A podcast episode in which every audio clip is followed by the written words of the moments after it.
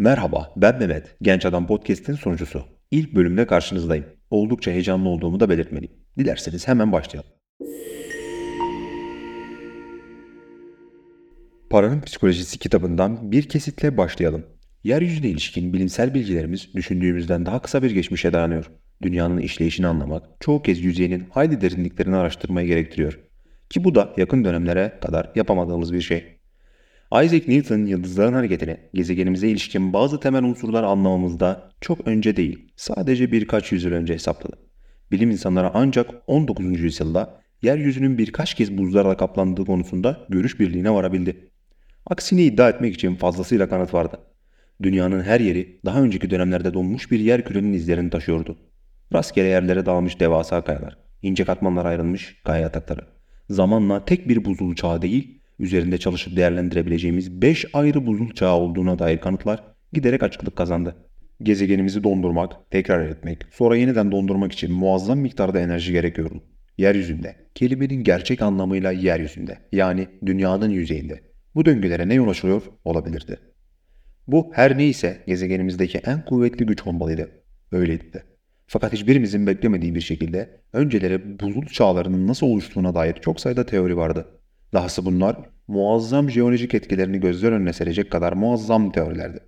Sıra dağlarının yükseltilerinin dünyanın rüzgarlarını iklim değişikliğine yol açacak kadar değiştirebilmiş olabileceği düşünülüyordu. Bazıları ise dünyanın doğal halinin buzul olduğunu ve bu doğal halin bizi ısıtan büyük çaplı volkanik patlamalarla kesintiye uğradığı fikrine sıcak bakıyordu. Ne var ki bu teorilerin hiçbiri buzul çağlarının döngüsünü açıklayamıyordu. Sıra dağların yüksekliği veya bazı büyük yanardağlar tek bir buzul çağını açıklayabilirdi. Fakat bu döngünün 5 kez yinelenmesini açıklayamıyordu. 1900'lerin başında Milutin Milankovic adlı Sırp bilim insanı dünyanın diğer gezegenler karşısındaki konumunu inceleyerek bugün doğru olduğunu bildiğimiz buzul çağlar teorisini ortaya koydu. Buna göre güneşin ve ayın yerçekimsel gücü dünyanın hareketini hafifçe etkilemekte ve dünya güneşe doğru eğilmekte. Bu döngünün bazı dönemlerinde ki bu on binlerce yıl sürebiliyor. Dünyanın iki yarım küresi normalin biraz altında veya biraz üstünde güneş ışını alıyor. Ve işin eğlenceli kısmı da burada başlıyor. Milankovic'in teorisi başlangıçta dünyanın yarım kürelerindeki bir eğimin gezegenimizi buzula çevirecek kadar şiddetli kışlara yol açtığını varsayıyor.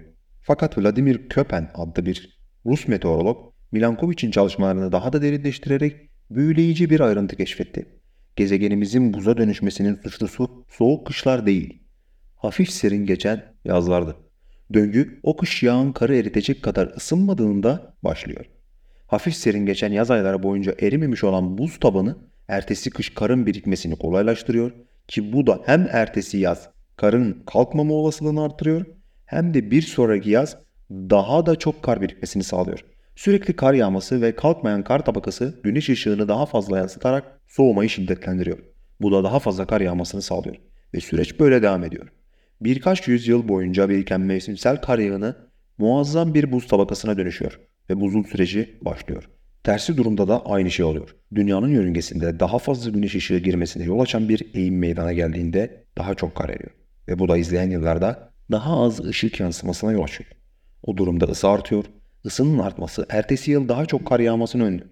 Ve böyle devam ediyor. Döngü bu. Burada çarpıcı olan nokta koşullardaki görece küçük bir değişiklikten böylesine büyük bir şeyin ortaya çıkması. Serin geçen bir yazdan kalan ve o dönemde kimsenin önemsemediği ince bir kar tabakasıyla başlıyorsunuz ve sonra jeolojik anlamda göz açıp kapayıncaya kadar kısa bir sürede yeryüzünün tamamı kilometrelerce kalınlıkta buz tabakasıyla kaplanıyor.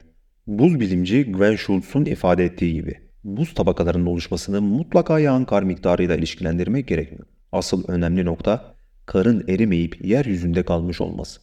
Buzul çağlarından çıkarabileceğimiz en önemli ders şu. Müthiş sonuçlar elde etmek için müthiş bir güce sahip olmanız gerekmiyor. Bir şey bileşerek büyüyorsa, küçük bir büyüme gelecekteki büyüme için yakıt oluşturuyorsa, küçük bir başlangıç temeli o denli olağanüstü sonuçlara yol açabilir. Ki mantığa meydan okuyormuş gibi görünür. Neyin mümkün olduğunu, büyümenin nereden geldiğini ve neye yol açabileceğini hafife almanız mantığa aykırı olabilir. Para konusunda da bu böyledir. Warren Buffett'ın servetini nasıl oluşturduğuna dair 2000'den fazla kitap yazılmıştır. Bunların birçoğu harika kitaplardır. Fakat pek azı basit bir gerçeğe yeterince değinir. Buffett'ın serveti yalnızca iyi bir yatırımcı olmasından değil, kelimenin gerçek anlamıyla çocukluğundan beri iyi bir yatırımcı olmasından kaynaklanmıştır. Bu satırların yazıldığı sırada Warren Buffett'ın varlıklarının net değeri 84,5 milyar dolardı. Bunun 84,2 milyar doları 50. doğum gününden sonra birikmiştir.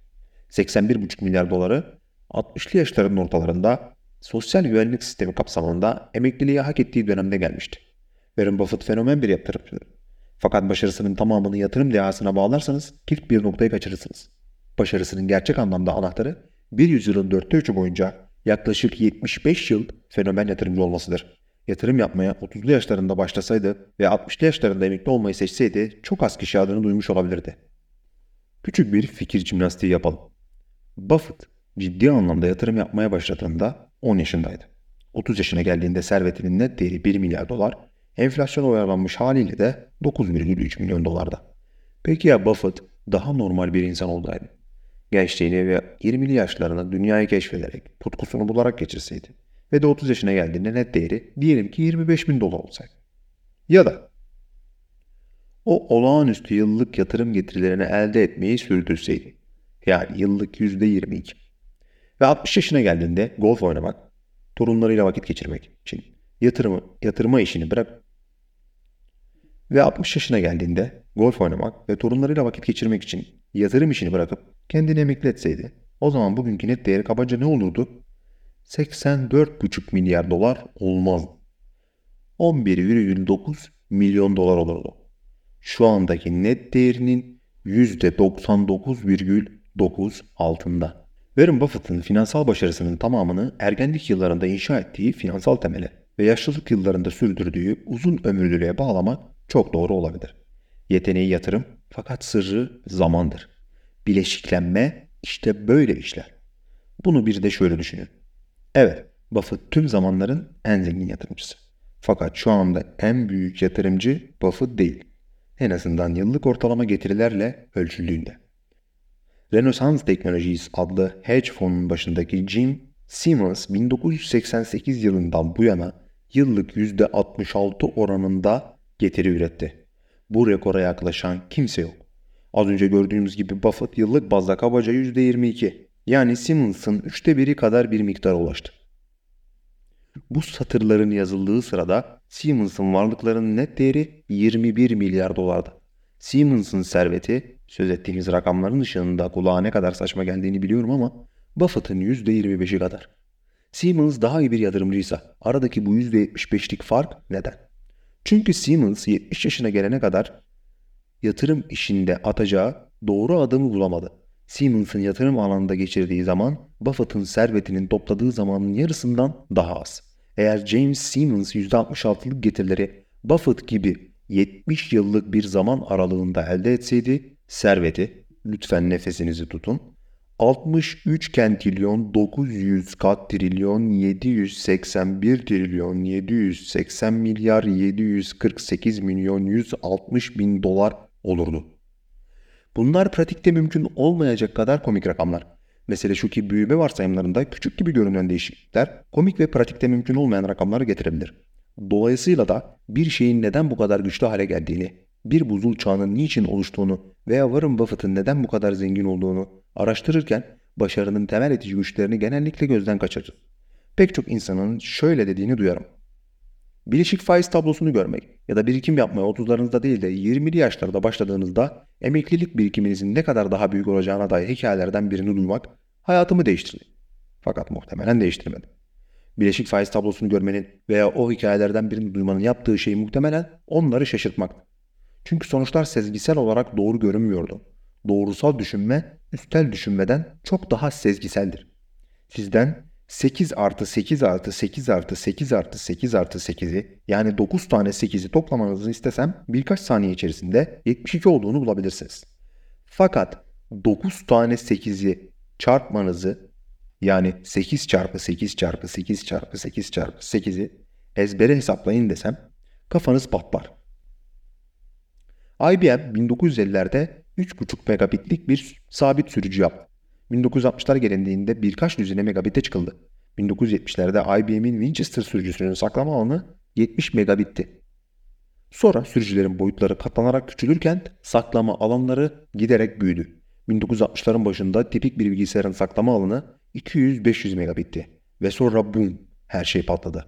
1999 6 gigabitlik sabit sürücüsüyle Apple'ın iMac'i geldi. 2003 Power Mac'te 120 gigabit'e çıkıldı. 2006 yeni iMac'te 250 gigabit'e çıkıldı. 2011 4 terabitlik ilk sabit sürücü. 2017 60 terabitlik sabit sürücüler. 2019 100 terabitlik sabit sürücüler geldi. Bütün bunları bir araya getirirsek 1950 yılından 1990'a kadar saklama alanında 296 megabit kazandık. 1990'dan bugüne kadar ise 100 milyon megabit kazandık. 1950'lerdeki teknoloji konusunda iyimser görüşte biri olsaydınız saklama alanının bin kat büyüyeceğini tahmin etmiş olabilirdiniz. Oldukça coşkulu bir insan olsaydınız belki 10 bin kat büyüyeceğini söylerdiniz. Buna karşılık pek az kişi benim ömrüm süresince 30 milyon kat büyüyecek diyebilirdi. Fakat öyle oldu.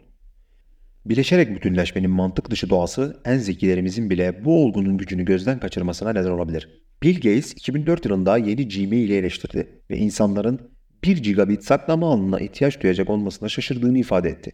Yazar Steven Levy şöyle yazıyor. En ileri teknolojiler konusunda böylesine güncel olmasına rağmen muhafaza edilmesi gereken bir emtia olan saklama alanı konusundaki zihniyeti hala eski paradigmaya dayanıyordu. Bazı şeylerin ne kadar hızlı büyüyebileceğine asla alışamazsınız. Buradaki tehlike bileşme, bileşiklenme olgusunu sezgisel olarak kavrayamadığımız zaman içerdiği potansiyeli genellikle görmezden gelmemiz ve sorunları başka yollarla çözmeye odaklanmamızdır. Fazla düşündüğümüzden değil, bileşiklenmenin içerdiği potansiyeli nadiren oturup düşündüğümüz için böyle yaparız. Buffett'ın başarısının altını çizen 2000 kitabın hiçbirinin başlığı bu adam 75 yıldır aralıksız yatırım yapıyor değil. Oysa başarısının büyük bölümünde kilit unsurunun bu olduğunu biliyoruz. Sadece sezgisel olmadığı için bu matematiğe kafamızın basması zor. Ekonomik döngülere, alım satım stratejilerine ve sektörlere dair çok sayıda kitap var. Ama en önemli ve en güçlü kitabın adı Kapa Çeneni ve Bekle olmalı. Uzun vadeli ekonomik büyüme grafiğini içeren tek sayfalık bir kitap. Bu kıssadan çıkarabilecek hisse hayal kırıklığı yaratan alım satım işlemlerinin, kötü stratejilerin ve başarılı yatırım girişimlerinin çoğunun sorumlusunun bileşiklenmenin mantık dışında olabileceğini anlayabilmektir öğrendikleri ve yaptıkları şeylerde en yüksek yatırım getirilerini elde etmek için bütün çabalarıyla uğraş verdikleri için insanları suçlayamazsınız. Sezgisel olarak zengin olmanın en iyi yolu bu gibi görünüyor. Ancak iyi yatırım mutlaka en yüksek getiriyi elde etme meselesi değildir. Çünkü en yüksek getiriler tekrarlanamayan tek seferlik isabetli atışlar olma eğilimindedir. İyi yatırım sebatla sürdüreceğiniz ve çok uzun bir süre boyunca tekrarlanabilecek oldukça iyi getiriler elde etme meselesidir. Bileşiklenme işte o zaman coşar. Kitapla ilgili mini bir kesit paylaşacağımı söylemiştim fakat galiba biraz uzadı. Ama toparlamak gerekirse. Bileşik getiri yatırım dünyasının en güçlü kavramlarından biri ve finansal başarıya ulaşmanın anahtarı olarak kabul edilmekte. Bu kavram zamanın gücünü vurguluyor ve düzenli olarak kazanç elde edilen yatırımların gelecekte nasıl büyüdüğünü açıklıyor.